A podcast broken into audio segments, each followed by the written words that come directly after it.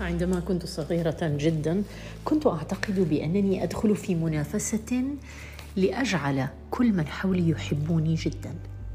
كنت أحاول أن أسترضي الناس. لا زلت أعاني من تلك المشكلة إلى هذه اللحظة ولكن الأمر يبدو أفضل من ذي قبل. لماذا تهتم برأي الناس بك؟ إن كنت شخصا تعتقد أنك جيد. لماذا تعتقد أننا ندخل في انتخابات عن مدى حب الآخرين لنا؟ من يهمنا أن يحبنا هو ذلك الشخص الذي يقترب منا كما نحن يحبنا لما نحن عليه. لا تحاول أن تقنع الآخرين أن يحبوك. فالحقيقة المؤسفة بأنك مهما فعلت لبعض الأشخاص فإنهم لن يحبوك ابدا. وعلى العكس من ذلك أيضا سيبدأون بحملات لتشويهك لجعل الآخرين أن يكرهونك وأن لا يحبوك.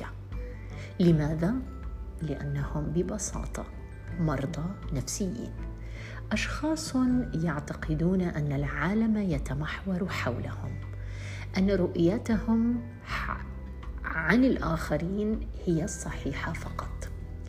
أحيانا قد تتصرف بصورة يعتقد البعض بأنك كم أنت قاس على شخص معين ولكنهم لا يعلمون بأن ذلك الشخص كان غادرا خائنا وهو الشخص البشع في هذه الصورة.